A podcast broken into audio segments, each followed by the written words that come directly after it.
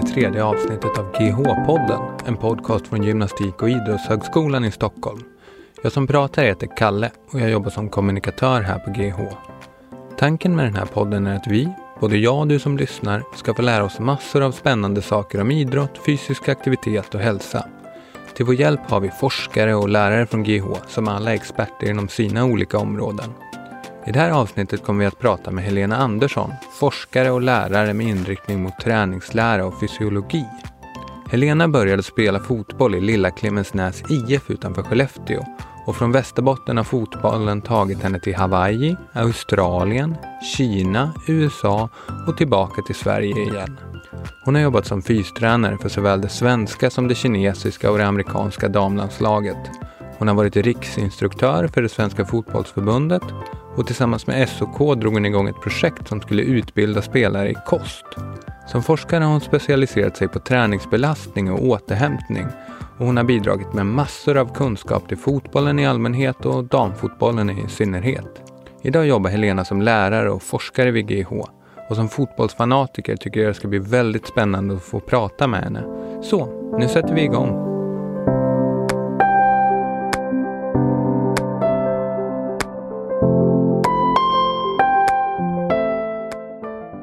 Hej Helena och välkommen till GH-podden. Hur är läget med dig idag?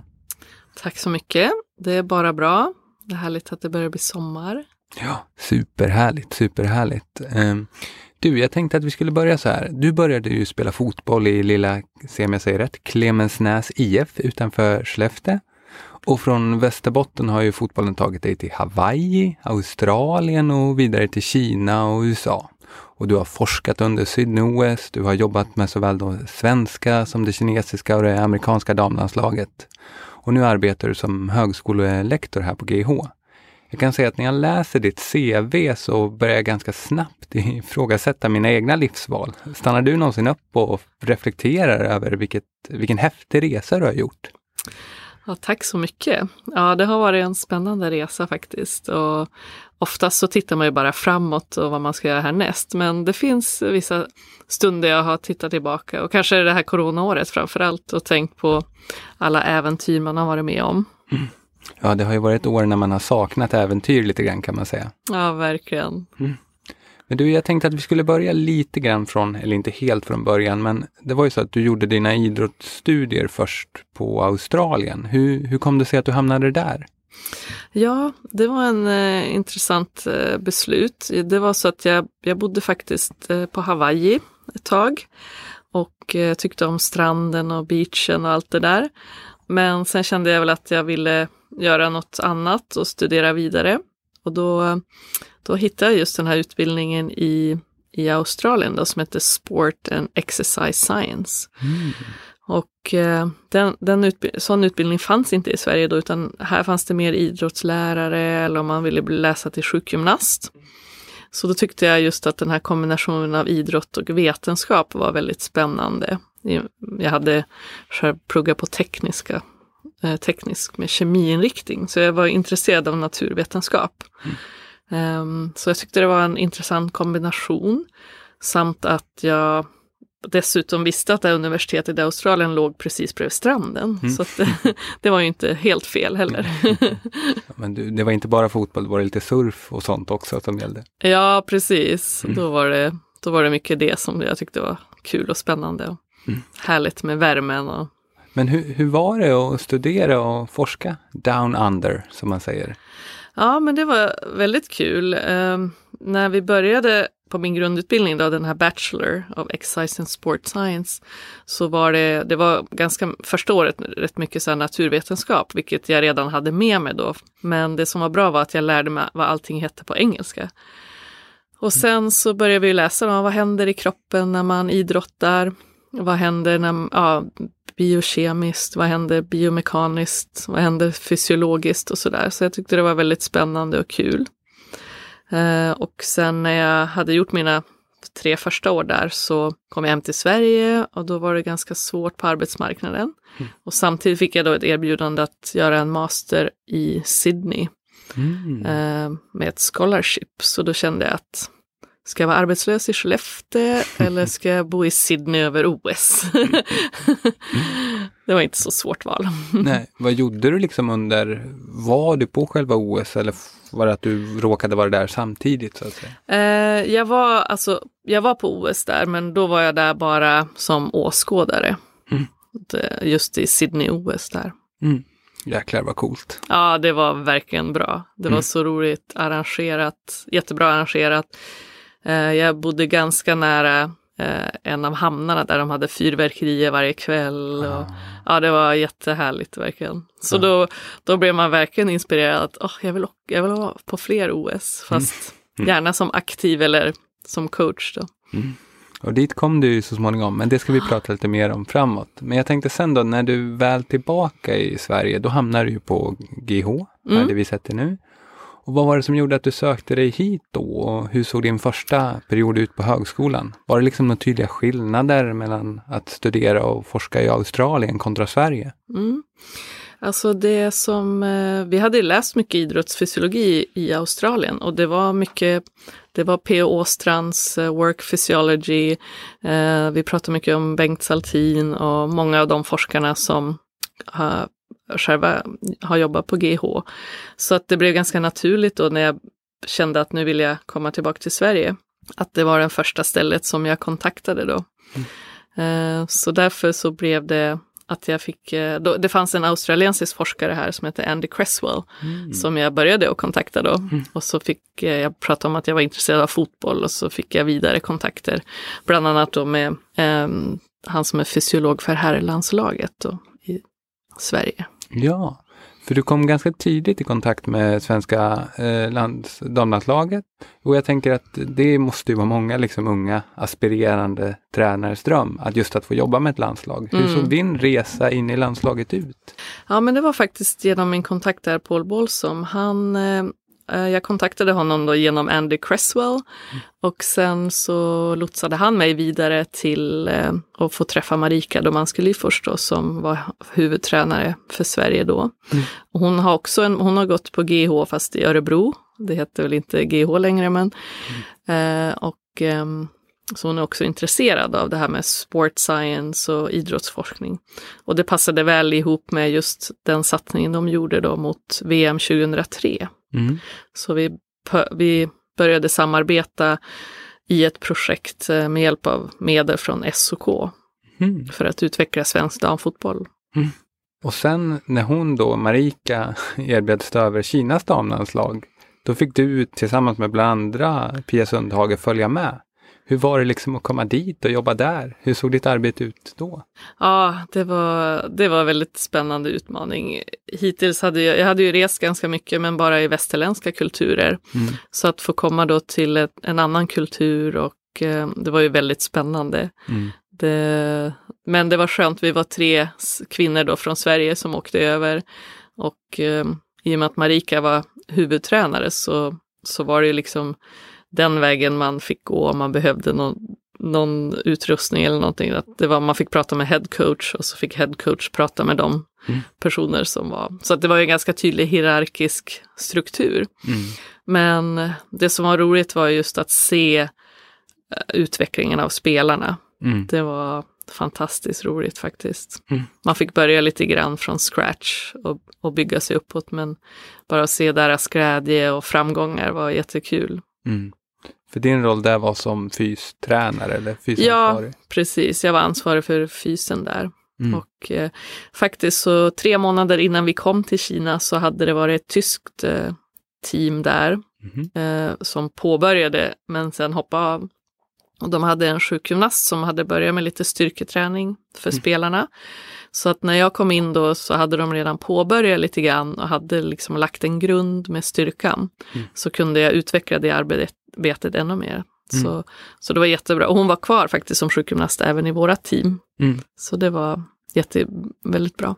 Men då kan man säga att ni, du, man kunde göra ganska stor skillnad där då också. Precis. Alltså det var, det, så är det ju med alla träningsstudier. Har man en grupp helt otränade och så får de träna i 68 veckor så ser man en jättestor effekt.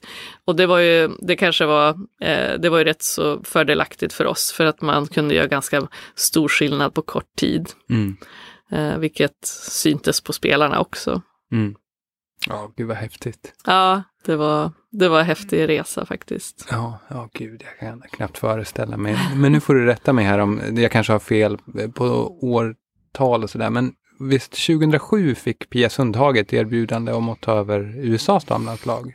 Ja, eh, det var efter VM. VM var ju i Kina 2007 Mm. och sen så vi hade ju som mål att nå semi, men det gjorde vi inte med. Vi förlorade mot Norge med ett mål, kommer jag ihåg, Dans. som vanligt. Mm. och eh, då bestämde vi oss för att avsluta det arbetet med Kina. Mm. Och i samma veva så fick ju då Pia erbjudande om att ta över eh, det amerikanska damlandslaget. Och då ville hon ha med dig. Ja, då ville hon ha med mig som fysansvarig igen då. Hur kändes det att få den frågan? Liksom? Ja, det var ju oväntat faktiskt. Även om vi har jobbat ihop mycket så tänker man ändå USA. Jag, jag skulle liksom tillbaka till Örebro universitet och göra klar min avhandling och så vidare. Och så kom det här erbjudandet med USA. Och då kände man att eh, det var rätt stort för jag kände ju till spelare som Abby Wambach och, Mm. och Christy Lilly och sådär som var i, i det amerikanska damlandslaget då. Så att Det var Det svårt var- att säga nej till. det var väldigt svårt att säga nej till. Vi skulle bo i Los Angeles. Eh, så det var, ja, det var lite svårt att säga nej till. Men hur var det då liksom att komma till USA jämfört med Kina? Förändrade, kan man säga att ditt arbete förändrades på något tydligt sätt? Ja, absolut. Alltså i USA har du alla resurser du kan tänka dig. De, vi hade bra sponsorer. Ifall jag behövde någon typ av utrustning så det var bara att säga till så dök den upp liksom. Mm. Så att eh, så det fanns ju, jag skulle vilja påstå än idag att det är väl den mest proffsiga miljön man kan jobba i som damlandslags, att jobba med damlandslag Mm. eller i damfotboll överhuvudtaget. Mm. Så det är oerhört proffsigt och eh, i USA är ju, alltså marketing är ju så stort eh, så att man syns och hörs på ett helt annat sätt än i något annat lag som jag har jobbat med. Ja. Ja. det är väl, allt är väl stort där borta som man säger. Ja, liksom. det är faktiskt det. Mm. Så är det. Men sen då, då kom du tillbaka till Sverige så småningom Mm. och då började du efter tid, viss tid börja med svenska damlandslaget Mm. igen. Mm. Hur var det då liksom jämfört? Då hade du sett Kina som en sak och USA som var en helt annan sak. Och hur var det liksom att börja jobba i Sverige igen?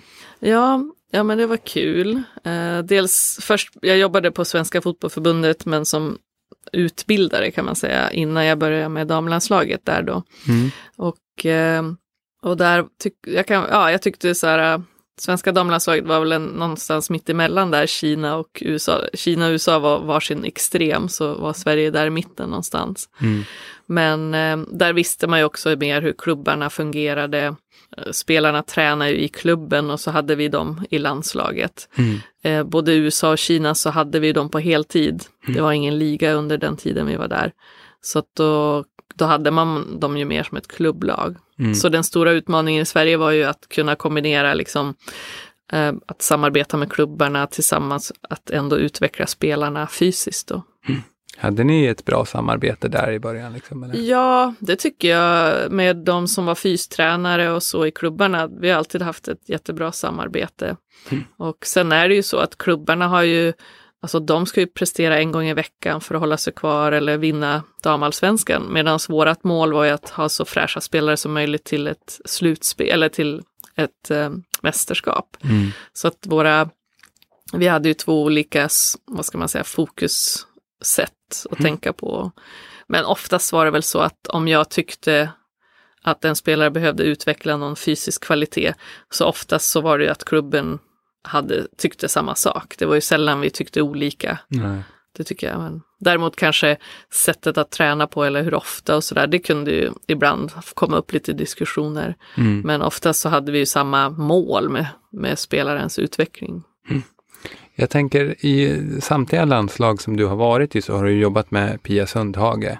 Eh, och hon kanske kan man säga är den främsta fotbollstränare som vi har fått fram här i Sverige. på Mm. sätt och vis. Hur har det varit och kan du liksom peka på något specifikt som du tror har gjort henne så framgångsrik? Ja, ja det, jag kan bara nämna det att jag också jobbar med Thomas Stennerby där Mm. under VM 2011. Mm. Så att det var Pia, och, Pia, Thomas och Marika som jag har jobbat med. Och, eh, men just med Pia, hon, hon andas och lever fotboll. Och eh, hon är väldigt rolig att jobba med. Eh, dels är hon väldigt kunnig i sitt område förstås. Mm. Men hon också har en, en ledarstil som, som jag gillar att man pratar om här att man ska ge sju bra saker för varje dålig, Mm. dålig feedback. Och hon, hon, hon gör verkligen det. Mm. Hon har en förmåga att hela tiden lyfta det som är bra, lyfta det som är positivt.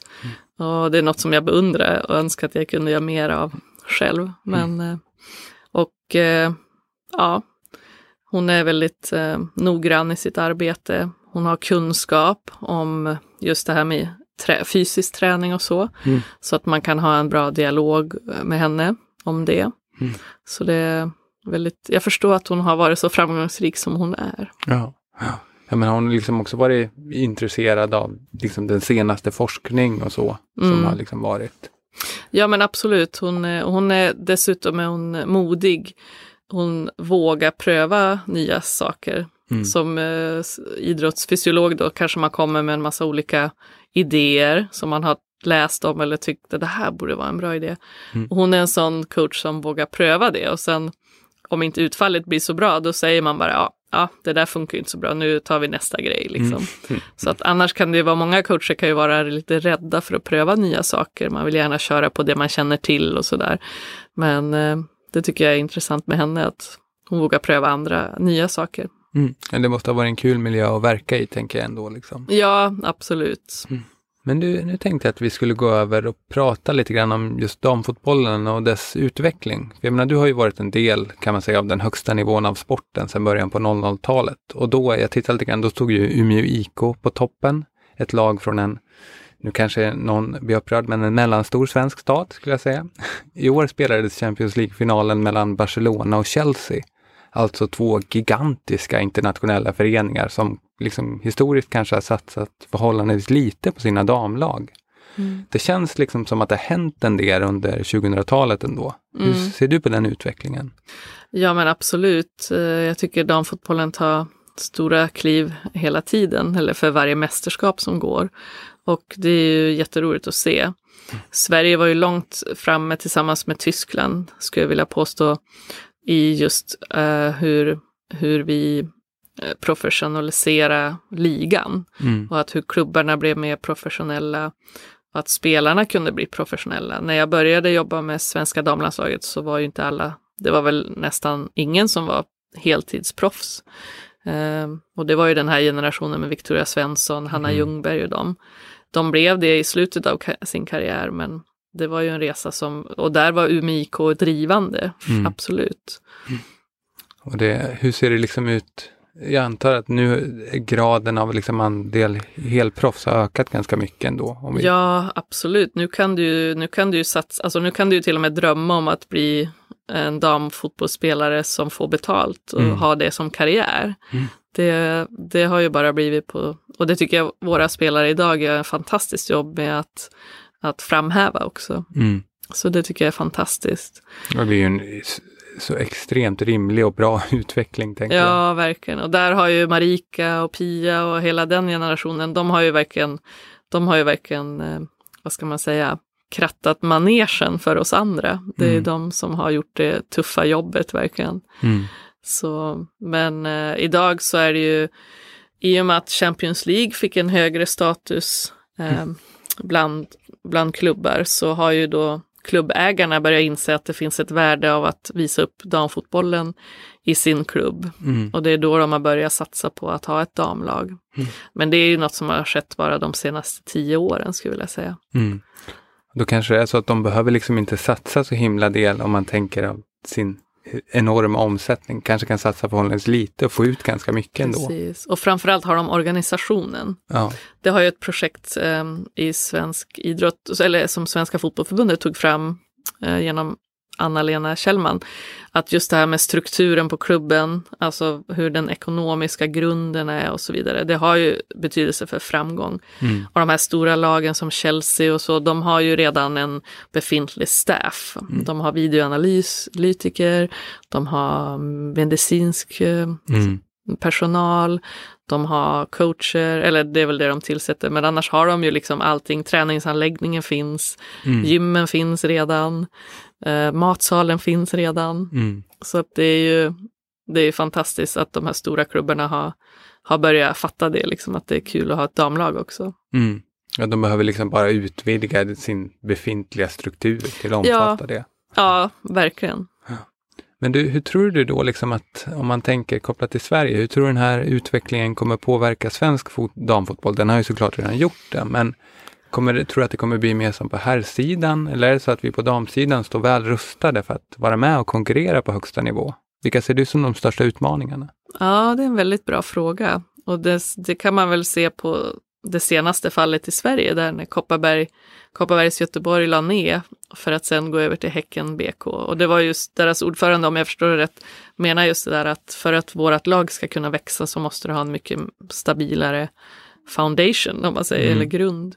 Så eh, jag tror att om svenska klubbarna ska hänga med så gäller det nog att eh, att eh, se till att man har en bra organisation och man har alla delar på plats Mm. för att kunna ta det steget. Men det är klart att det är svårt att konkurrera med de ekonomiska medlen som de här andra klubbarna har. Mm. Så är det ju.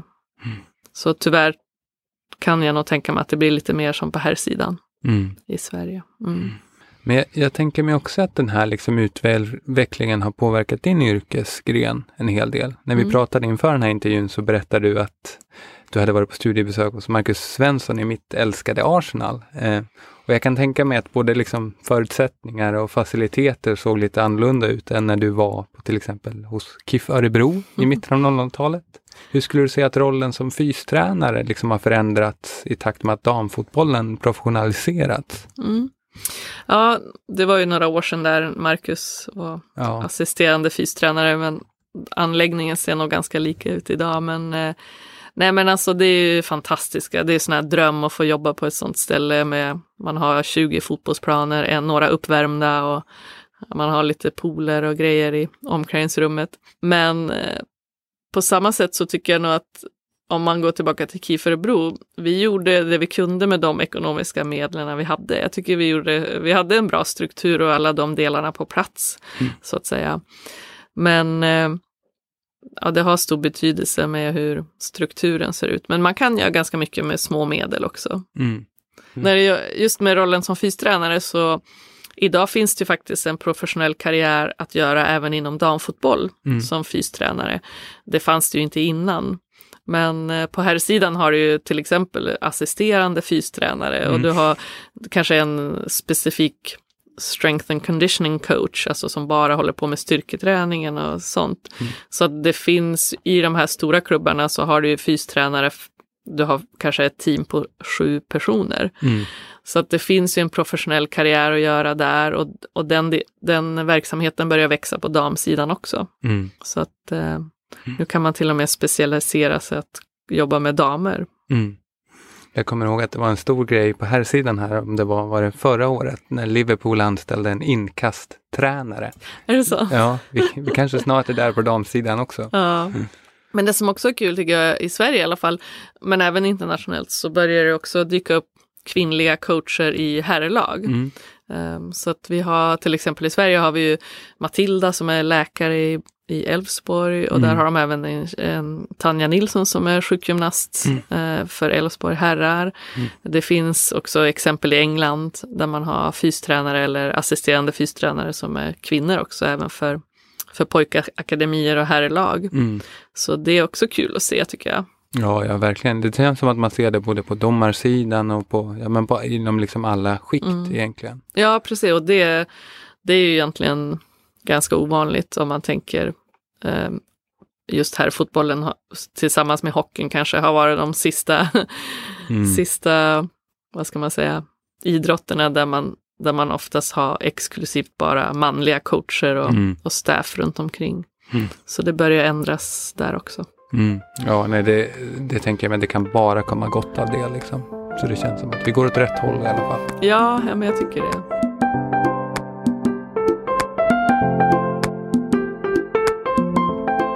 Men du, redan från allra första början kan man säga har du både studerat och praktiserat just träningsbelastning. Mm. Eh, vad var det som fick dig liksom intresserad av det här och hur kom du in på det? Ja, kanske, alltså från början så var det väl inte just uh, det här med belastning som, det var mer träning i sig. Mm. Att jag tyckte det var intressant hur, jag har alltid, jag har alltid varit så här, jag har själv spelat fotboll. Jag, jag vann alltid bästa så här, träningsnärvaro men jag var fortfarande inte bäst på planen så att jag vet inte vad man ska säga om det men jag har alltid tyckt om att träna och pressa mig och sådär så det har varit, alltid varit intressant att veta hur mycket kan man pusha sig själv och, och ändå få en bra prestation. Och, Mm. Sen om man börjar jämföra med vissa individuella idrotter, de har ju så ofantligt mycket träningstimmar Mm. jämfört med en fotbollsspelare. Och varför är det så? Varför kan inte fot fotbollen träna mer? Mm.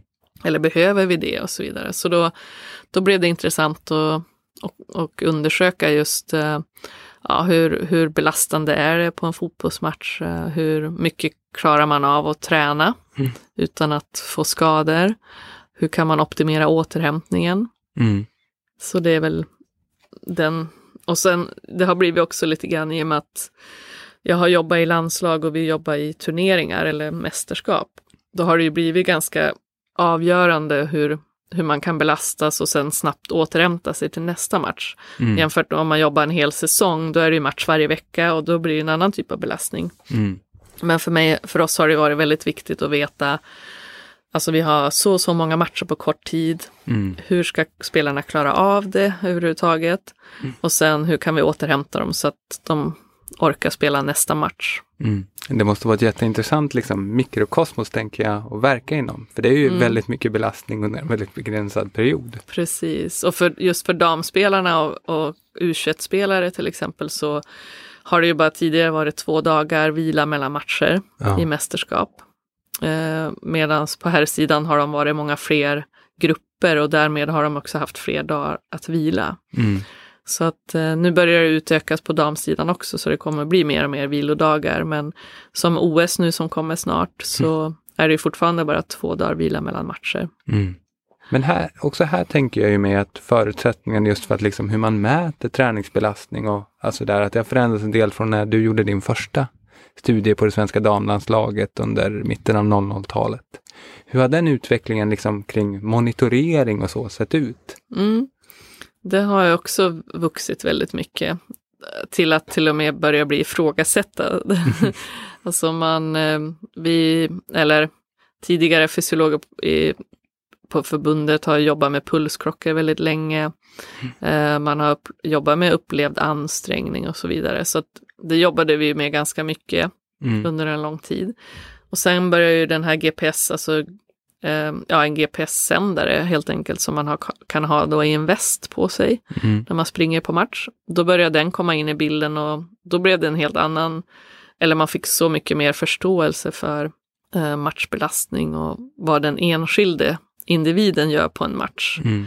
Så att eh, på senare tid så använder ju nästan alla eh, GPS-sändare för att ha koll på en spelares belastning Mm. under match och träning och så. Men det har också blivit ifrågasatt för det genererar ju väldigt mycket data. Ja. Och det är frågan vad gör man med all den här datan och vad betyder det och vad ger man för rapport till coachen till exempel. Och, ja men den och den sprang så och så långt. Jaha, vad betyder det Mm. för våra nästa träning och sådär. Mm. Så att det har, det gäller att hitta någon typ av balans också att man kanske inte bara kan förlita sig på objektiv data Nej. Utan man måste också se på helheten då som spelare. Mm. Det finns mycket runt omkring som kan påverka hur stressade eller belastade de är på en träning eller match. Ja.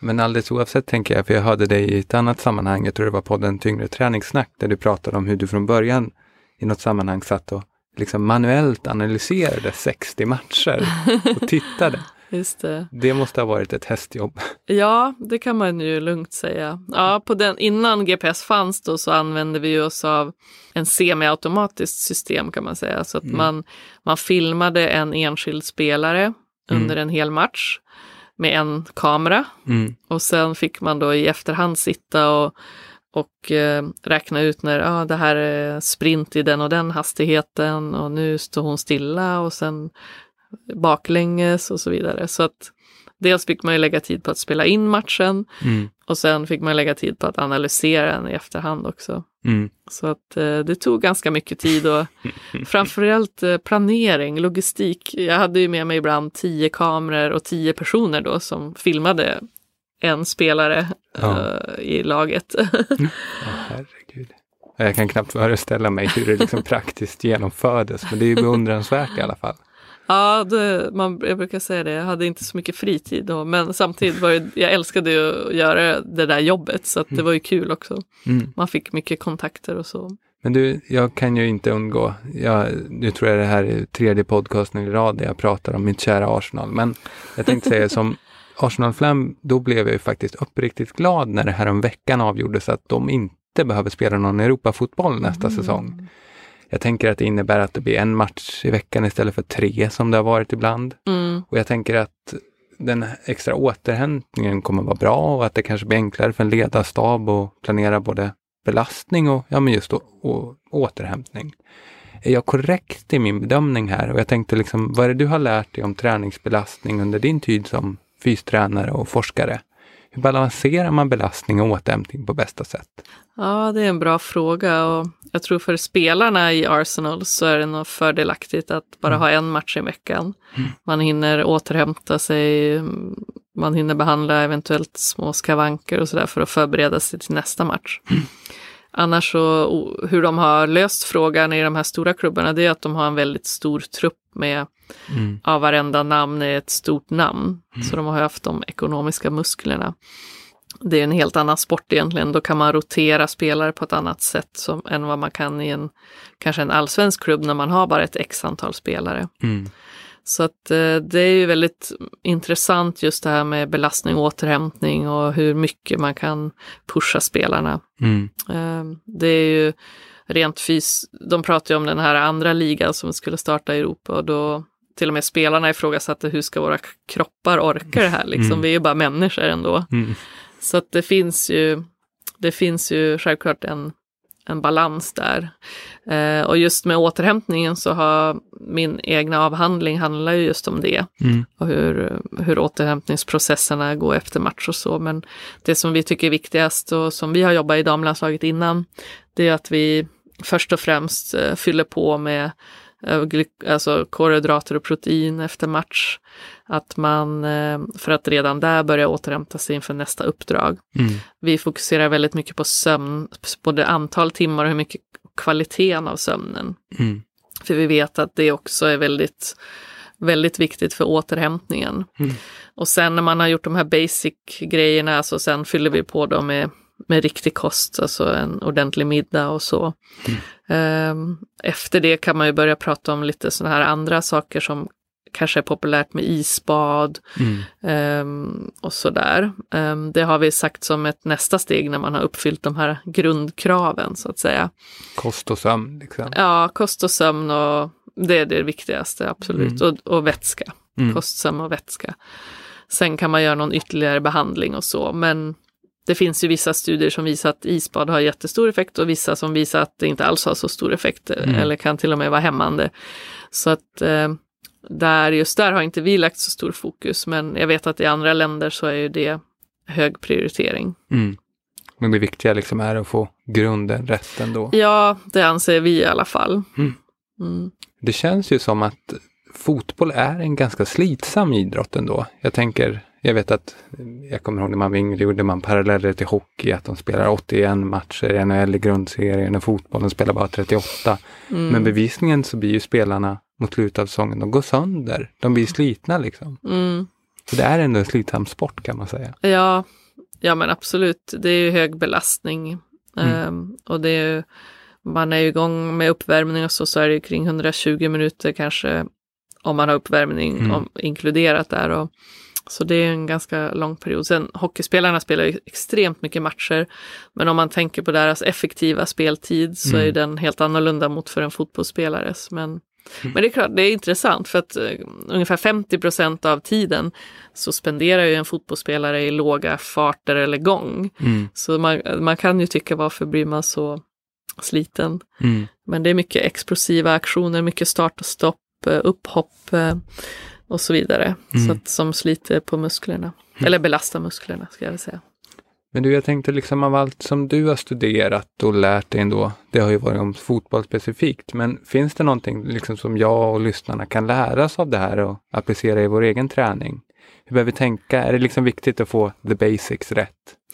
Och tänker du just på återhämtningen? Ja, eller? jag tänker jag som gillar att springa till exempel. Ja. Jag kanske springer fem, sex dagar i veckan och Just så. det.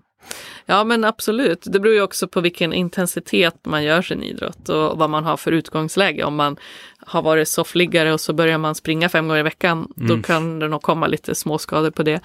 Men eh, det som eh, det som jag tycker är intressant, som jag har nördat in mig på, det är just det här med högintensiv träning, alltså att man ska Mm. komma upp i puls eh, och för att få lite intensitet i det hela. Mm. Så det tycker jag är ganska intressant. Men, eh, och sen när det gäller eh, träning, då, ja, det är just det där lite grann, vad gör man direkt efter? Kan man, kan man ta någon sportdryck eller kan man få i lite protein och så vidare? Mm. är ju också intressant om man vill kunna snabbt få effekt av träningspasset man just har gjort. Mm. För risken är ju om man gör ett träningspass och så gör man ingen återhämtning eller man äter inte alls eller någonting sådär, då är ju risken att man, att man förlorar effekten av träningen. Mm. Därför att man slarvar med det andra så att säga. Ja, det där har väl jag liksom personligen fått lära mig lite den hårda vägen. Att jag vet som när man började springa, att man kanske la 70 procent av sina pass på en ganska hög intensitet. Ja, Och tänkte det. att det, det är så det ska vara, det ska vara jobbigt att springa. Mm, Men det har man ju lärt sig att det är inte riktigt så man ska fördela sin, man behöver grundträning. Och, precis. Ja, det är ju ganska mycket, många förespråkar också att man behöver den här distans, distansträningen, liksom att man får in eh, även lågintensiv träning Mm. i sina pass. Mm. Så det kan nog vara bra att ha en kombination av det. mm. Och att de gångerna man har ett högintensivt pass, att man då är noggrann med återhämtningen och vad man gör efteråt. Mm. Sov och ät bra helt enkelt. Ja, Mm. Mm. Jag eller tänk- ät först och sov sen, Ja, skulle jag säga. ska det ska vi komma börja, ihåg. med, börja med näringsintaget. Ja. Men jag tänker, du har ju jobbat som fystränare under en lång tid på flera olika kontinenter.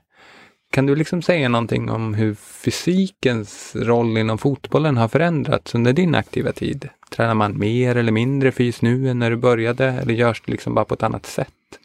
Och kan man säga, ser en damfotbollsspelares fysik annorlunda ut nu än för, säg 20 år sedan? Ja, men absolut. Det, det, jag tycker det går lite i vågor faktiskt. Där som sagt när Umeå var som bäst, de tränade oerhört mycket, både volym och intensitet. Sen, eh, sen kom det en trend att man skulle träna lite mindre, färre pass, men med mer, bättre kvalitet. Mm. Eh, nu är det en liten trend att man ska träna allt med bollen, Mm. så att all fysträning ska kunna inkluderas i fotbollsträningen. Mm. Ehm, Men det som har kanske gett stört, störst effekt i damfotbollen det är väl introduceringen av styrketräning. Mm. Eh, svenska damlandslaget började med det kring 2000. Och den första effekten de såg var just där man reducerar skadorna framför allt. Mm. Men sen också att man får liksom en, en riktig atlet som fotbollsspelare. Så att man för att kunna vara proffs idag så måste man ha en atletisk kropp. Mm. Det vill säga att man måste vara lite allround tränad eh, för, att, för att klara av belast, alltså för att klara av en hel säsong och vad det innebär. Mm. Um, så att styrketräningen är ju viktig för damfotbollsspelare. Mm. Eh, både skadeförebyggande men även för att kunna bygga upp den här muskelmassan man behöver. Mm. Det ser, det ser man ju på unga killar som får en massa testosteron till skott. De, Mm. de bygger ju muskler mycket snabbare och för en tjej kan det ta mycket längre tid. Och man har väl sett att kanske peakåldern för tjejer är kring 26-27 för Mm. en damfotbollsspelare. Så det tar många år att bygga upp den här muskelmassan som man behöver. Mm. Men är det då liksom, vad tränar man för typ? Är det liksom klassisk tyngdlyftning eller den Det är, typen lite, det är lite varierat. Eh, En del jobbar ju fortfarande ganska klassiskt med olympiska lyft och man går in i gymmet och gör träning. Men många börjar gå över och försöka göra fysträning eller styrketräning mer funktionell. Mm. Det vill säga att den rörelserna ska likna mer det man gör på en fotbollsplan. Mm. Så många försöker att göra den typen av träning på fotbollsplanen eller att man gör mer enbensövningar. Mm. Eh, mer så att man liknar det som händer på fotbollsplanen. Mm. Så det är väl det som, som en, jag skulle tro en kombination av de två är Mm. väl mest vanligt. Men är det så då idag också liksom att man har stenkoll på hur det skiljer sig åt från spelare till spelare? Att hon behöver träna spänst, eh, hon behöver träna explosivitet. Är det liksom väldigt individualiserat?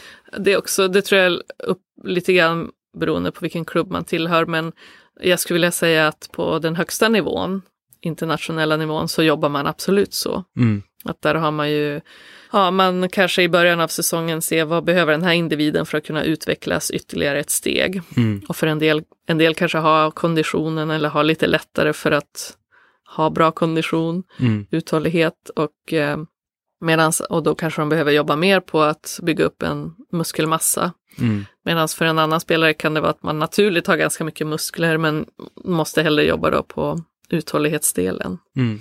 Så det tror jag är ganska, eller det är väldigt vanligt att man har ett individuellt program. Mm. Och nu inom, inom damfotbollen börjar det pratas väldigt mycket om menstruationscykeln och Ja. ska man Det är ju superintressant. Ja, ska man anpassa träningen ut efter vilken fas i menstruationscykeln man är? Mm. En del studier visar att ja, det ska man göra och en del visar att det har ingen betydelse. Så att det, har vi, det har ju startats en hel del projekt i Sverige, bland annat med SOK, Mm. som ska titta på menstruationscykeln och hur det påverkar prestation och så vidare. Det blir ju jättespännande att ta del av Mm, när vi vet mer om det. ja, absolut. Men är det också så, jag måste bara fråga, för jag vet när jag spelade liksom, jag har ju spelat gärdsgårdsfotboll liksom, division 6, och då var det ju väldigt traditionellt att man hade en försäsong på vintern, man var ute och sprang och Just körde någon form av styrka, liksom cirkelträning. Ser liksom periodiseringen ut så också för ett elitdamfotbollslag idag, liksom, eller? Nej, idag så är de ju aktiva året runt egentligen. Mm. De kanske har, alltså om man pratar om damallsvenskan nu, de kanske har en period på tio dagar där de vilar helt. Alltså, Ja. Sen kanske de har en semester på en månad, men under den tiden så har de individuella träningsprogram. Mm. Så det är ju väldigt, eh, det är ju liksom en året runt sport nu för tiden. Och man får då, men oftast får de ganska individuella träningsprogram, alltså att där de ska utveckla lite mer kanske. Mm. Så kan de lägga tid på det. Eh, jag tänker ett annat område som du har varit, vi har varit inne på det tidigare, men som du har jobbat med, det är ju just kost. Eh, du var till exempel med och drog igång ett projekt tillsammans med SOK för att utbilda spelare i kost. Kan du berätta lite om det projektet? Ja, ja absolut. Ehm, Jag tycker just när vi pratar om träningsbelastning och träningssvar så Mm. vet man ju att om man inte stoppar i sig rätt bränsle så då kanske man förlorar effekten av det man just har gjort ute på fotbollsplanen. Mm. Så jag tyckte det var viktigt att vi hade med den delen och gjorde den mer proffsig också. Så jag kontaktade då, vi hade ju starkt samarbete med SOK i och med att vi, damfotbollen är olympisk Mm. idrott. Och de har ju tillgång till idrottsnutritionister. Så att vi, jag kontaktade dem och vi fick jobba med både Linda Backman men även Stefan Petersson från Mm. Göteborg. Och eh, dels hade vi en del utbildning med spelarna att ja, vad, hur många kalorier gör man av med på en träning och vad är det man måste stoppa i sig. Så att de fick liksom en förståelse, hur ser det ut på min tallrik? Inte bara det här, ja, jag, jag, det, jag slösade 2000 kalorier och nu ska jag äta det, men vad är det då Mm. på tallriken? Liksom. Så vi, de fick till och med väga maten, ibland, vi hade någon tillfälle där de fick väga sina kolhydrater och så vidare. Mm. Bara för att de skulle få en förståelse för hur mycket som egentligen krävs. Det är ganska mycket va? Det är ganska mycket Mm. och det är svårt att äta. Det vet jag Pia sa när hon slutade spela fotboll själv. Hon bara, det, det, det skönaste är att man slipper stoppa i sig så himla mycket mat liksom. och de är så trötta på pasta, du vet. Mm. De har ätit det så mycket så att de vill helst inte se det. Och det, det var en annan del med kost, alltså just det där hitta, hitta intressanta matprodukter som som de kan tycka in, alltså gott att äta. För det är ju inte bara att stoppa i sig. Alla är inte som Gunde Svan och liksom vet att nu ska det här in. Utan man måste också ha den här aptiten och tycka att det är gott Mm. också. Så, så vi, vi har jobbat mycket med det, att justera liksom och kanske också lite grann när man ska äta vad. Mm. Man kanske inte, alltså vad ska man äta till frukost och vad ska man ta till kvällsmål Mm. och så vidare. Så att man, man stoppar i sig rätt saker vid rätt tillfälle. Mm. För jag, jag tycker att, jag gillar inte när man har så här kosthjälp och så får man något jättekonstigt recept som man aldrig hört talas om och då kommer man aldrig göra det. Utan Nej. jag ville hellre justera liksom, okej vad äter de idag? Skulle vi kunna ta bort det här och lägga till det här? Mm. Eller äta mer av det och lite mindre av det liksom. Mm. Så att det blir eh, ja, som de har i vardagen. Mm. Det tycker jag är viktigt. Men kan man då liksom säga något så generellt om vilken typ av kost du har rekommenderat till spelarna? Har det varit ja, men ganska mycket kolhydrater sa du? Och... Ja, precis. Det var ju ett tag där en trend att man skulle, skulle reducera kolhydratintaget. Mm. Eh, och det, det passar ju bra om man är soffliggare, men det Mm. passar ju sämre om man ska prestera på hög nivå. Mm. För att just kunna ha den här höga intensiteten så måste man ju ha kolhydrater i kroppen. Mm. Så att där fick, och det jag menar, spelarna är ju bara vanliga medborgare så att de läser ju också vad som står i tidningarna och så. Så att vi fick ju liksom jobba en del med trycka på att hur viktigt kolhydrater egentligen är Mm. för att man ska kunna prestera som fotbollsspelare. Mm.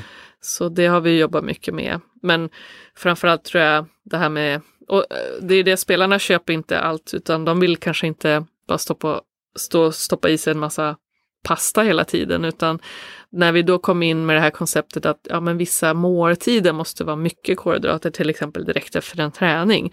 Medan middagen kanske kan vara lite mer fokuserad på protein och sallad och sådär. Mm. Men just det här, och det tyckte, då kände nog spelarna att det, det var mer rimligt att liksom, Mm. okej, det kan jag köpa när det ser ut på så sätt, men att eh, bara stoppa i sig en massa kolhydrater hela tiden, det, det tyckte de tog emot. Mm. Eh, så jag tror just det där att vi fick till en bra periodisering på intaget, Mm. tror jag, tror jag de uppskattade. Mm. Att man liksom anpassade, som du sa tidigare också, efter deras vardag och hade Ja. en periodisering på. Precis. Men det är svårt, alltså det är nog det svåraste tror jag som kvinnlig idrottare att, att förstå mängden man måste äta och, och det känns, det tar emot för att man ska samtidigt ha det här kvinnliga kroppsidealet. Mm. Så att det är lite svårt för, och det förstår jag helt klart att de tycker också. Mm. Ja, det känns som att jag förstår att det har varit en utmaning. Liksom. Mm. Själv kan jag ju säga att jag försöker leva efter devisen att energi ut och energi in. Om jag har sprungit ett långt löppass till exempel, då brukar jag vara känna mig lite kräsen. Och då blir det ofta att jag äter en pizza eller så. Ja. Och då tänker jag mig att huvudsaken är liksom att jag får i mig den energin. Tänker jag rätt då eller är det så att jag lever i någon slags självbedrägeri? Det kan väl man kan tycka det om det händer någon gång då och Mm. då, men om, om det blir standard att, att det är bara det så kanske du får för lite näringsämnen i det. kanske andelen fett är lite för hög liksom, Mm. men i vissa, i vissa moment kan det ju vara bra. Mm. Och det var så till exempel i OS så kan det vara ganska utmanande att att hela tiden äta samma mat i Mm. det som finns i OS-byn, även om det är bra kvalitet. Mm. Så där det, det finns alltid en McDonalds där man, man går bara och beställer, man behöver inte betala eller någonting. Nej. Så i slutet av OS-turneringen 2016 så, så sa jag det till spelarna att ta, ät McDonalds, gör vad som helst, bara ni får i er maten. Mm. Eh, för jag förstår också ibland när man, om man ser samma kyckling, samma, du vet varje gång man Mm. går till mat, eh, till buffén, Mm. det, det börjar ta emot, man känner sig inte så hungrig till slut, till och Nej. med som ledare. så jag förstår spelarna är jättetufft ibland. Och då kan sådana medel, alltså att ja, men vi tar en pizza eller vi, vi tar en hamburgare bara för att, för att de ska känna att de blir mätta och till, vad ska man säga, känna så här, mm, jag är mätt och belåten. Ja. Liksom. Inte mätt och äcklad av mat liksom. Nej men precis. Nej. Mm. Men du, jag tänker, nu har vi ju lite grann fått tagit del av din resa här och vi har fått höra all din kunskap och då vågar jag nog påstå i alla fall att jag inte är ensam om att kanske vilja byta karriärväg och börja plugga med dig som lärare. Och du är ju du är lärare på tränarprogrammet och du ligger även bakom den fristående kursen Tränarskap med inriktning mot fotboll. Kan du berätta lite om de kurser som du håller i på och är inblandad i på GH? Ja, ja, men det är jättekul att få vara här och, och just dela med sig av erfarenheter. För som student själv så kände jag att ja, men man lärde sig allting teoretiskt, men man kanske inte fick en inblick hur funkar det i praktiken. Så jag hoppas att studenterna tycker det är värdefullt och att jag kan bidra med den praktiska erfarenheten. Mm. Just i tränarprogrammet så, så så är jag väl mest inne i en kurs där vi jobbar med träningsplanering. Mm. Uh, kanske en årsplanering, hur kan man lägga upp träning på så sätt. Mm. Och sen även håller jag en kurs som heter formtoppning Mm. inför mästerskap. Mm. Så där man pratar just om att kunna ja, toppa formen till en viss period där man Mm. vill vara som bäst. Mm. När det gäller kursen tränarskap med inriktning fotboll så är det ju en, ett, en samarbets, eh, ett samarbete med Svenska Fotbollförbundet och Stockholm Fotbollförbund Mm. där man, eh, man går och läser vissa högskolepoäng eh, som liknar kurser där vi har på GH. Mm. Och så har vi en, ett delmoment där man läser då förbundets eget utbildningsmaterial. Mm. Så att man kan läsa in då och få de första tre stegen i deras utbildningar. Mm. Som det är idag är upp till UFAB. Mm. Så att eh, då får man en kombination av akademiska poäng blandat med idrottens egen utbildningsstege. Mm.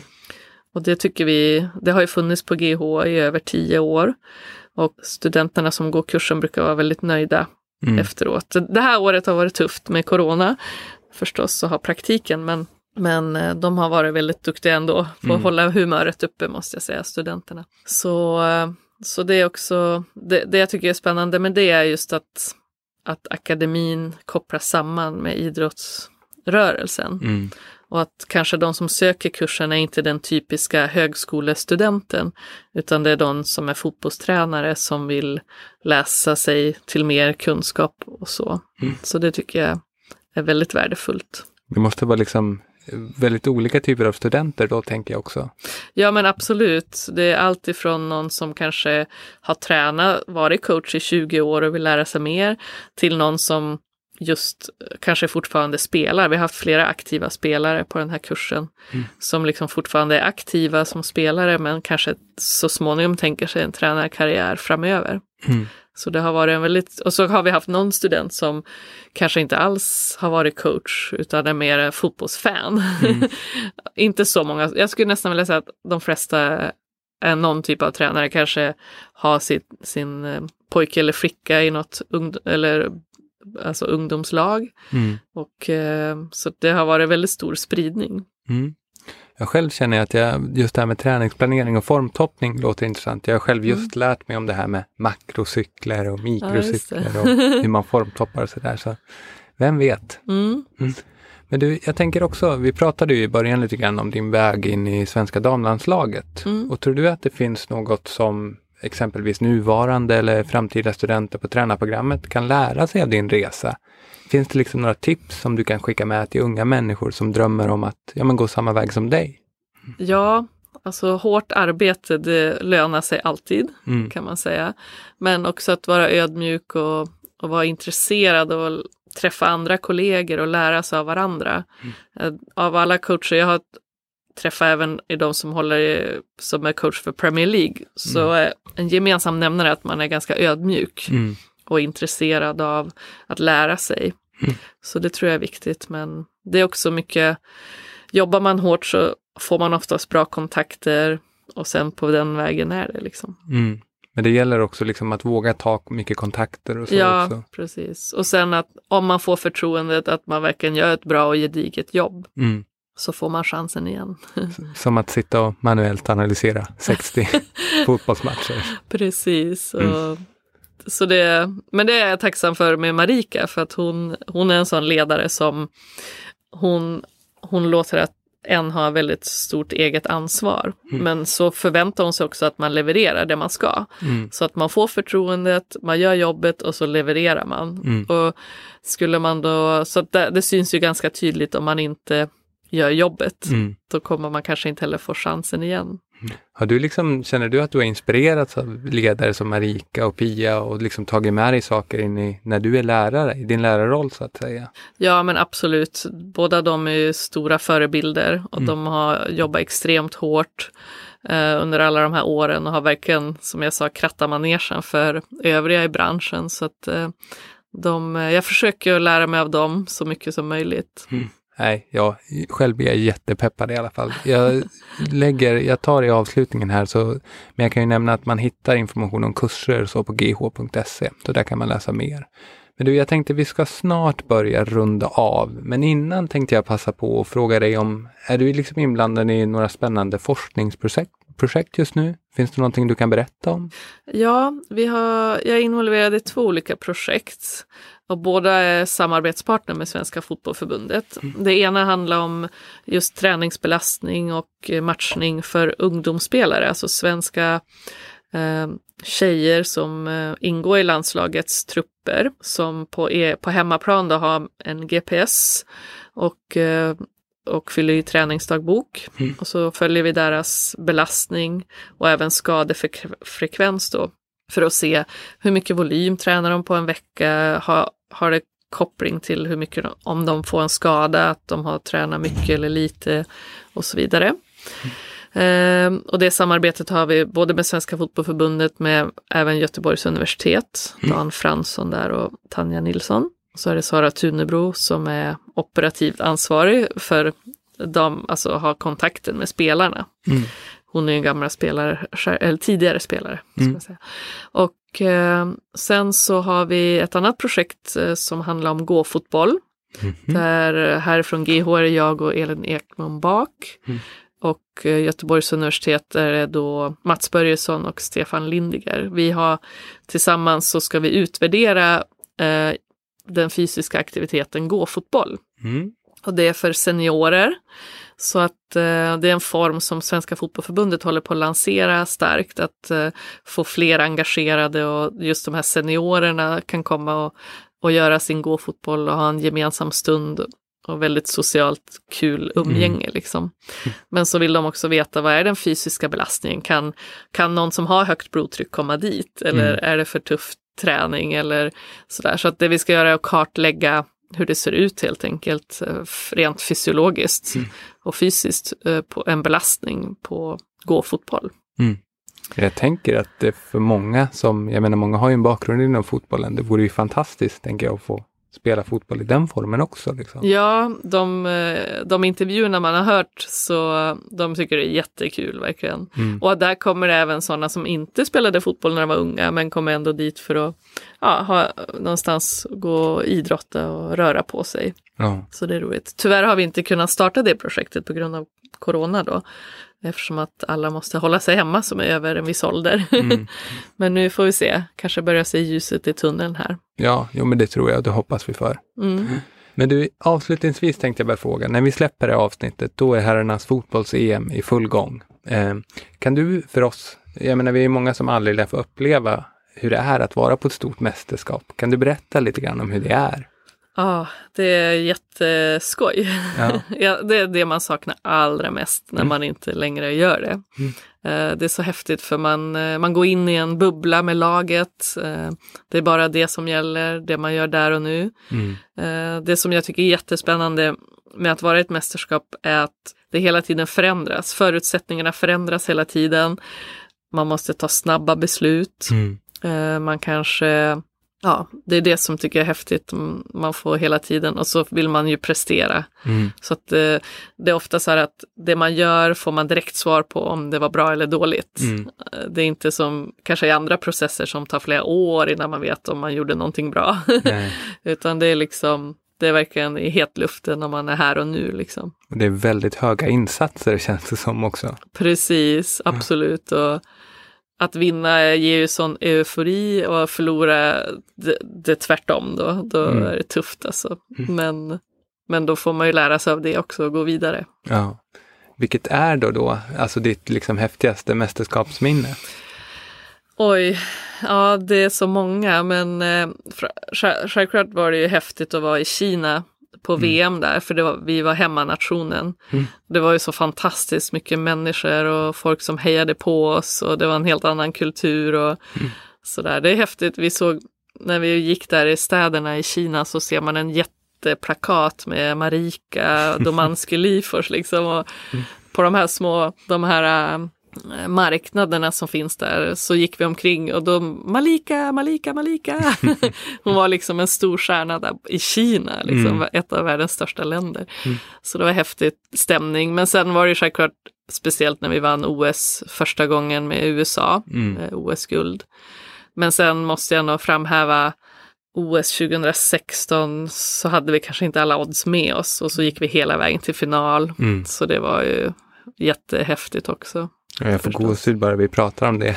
Ja. Ja. Sen hade vi ju EM på hemmaplan 2013 Mm. och det var ju fint väder och det var, alltså det var så fantastisk stämning här hemma i Sverige. Mm. Och vi hade så gärna velat vara på Friends Arena men vi missade ju mot Tyskland där i semin. Ja. Så, men det var också en fantastisk upplevelse för det var ju så underbart att se engagemanget i Sverige och fansen och allihopa. Ja. Så det var häftigt. ja, men man kan väl säga att vi får hålla tummarna för att liksom det svenska folket får uppleva liknande känslor som du haft av dina bästa mästerskap nu under sommarens EM-turnering. ja, det hoppas jag. Nu verkar det som att publik får åka över till eh, Sankt Petersburg så det ska bli jättehäftigt och jag önskar verkligen Janne och kompani lycka till. Mm. Ja, det blir roligt att se. ja, Men du, Helena, stort tack för att du har varit med här i GH-podden. Det har varit superroligt att få höra på dig. tack detsamma. Mm. Trevlig sommar också. Ja, tack. Och tack för, för att jag fick vara med. Då vill jag bara avsluta med att tacka Helena för hennes medverkan. Om du vill läsa mer om hennes forskning eller söka någon av de utbildningar där hon undervisar, då går du bara in på gh.se. Hon har även medverkat i poddar som Tyngre träningssnack och Fotboll och damsamhälle. Gå bara in och sök i din podcastspelare så hittar du dem där. Avslutningsvis vill jag bara rikta ett stort tack till dig som lyssnat. Om du vill höra mer av oss framöver får du gärna prenumerera på podden i din podcastspelare. Kom även ihåg att ge oss ett betyg och tipsa dina vänner då det verkligen hjälper till att få spridning på podden. Sen får ni gärna följa oss på Instagram och Facebook också. Där heter vi GH Sweden. Nu tar vi ett litet sommaruppehåll och är tillbaks igen i september. Ha därför en riktigt fin sommar så hörs vi snart igen. Hej då!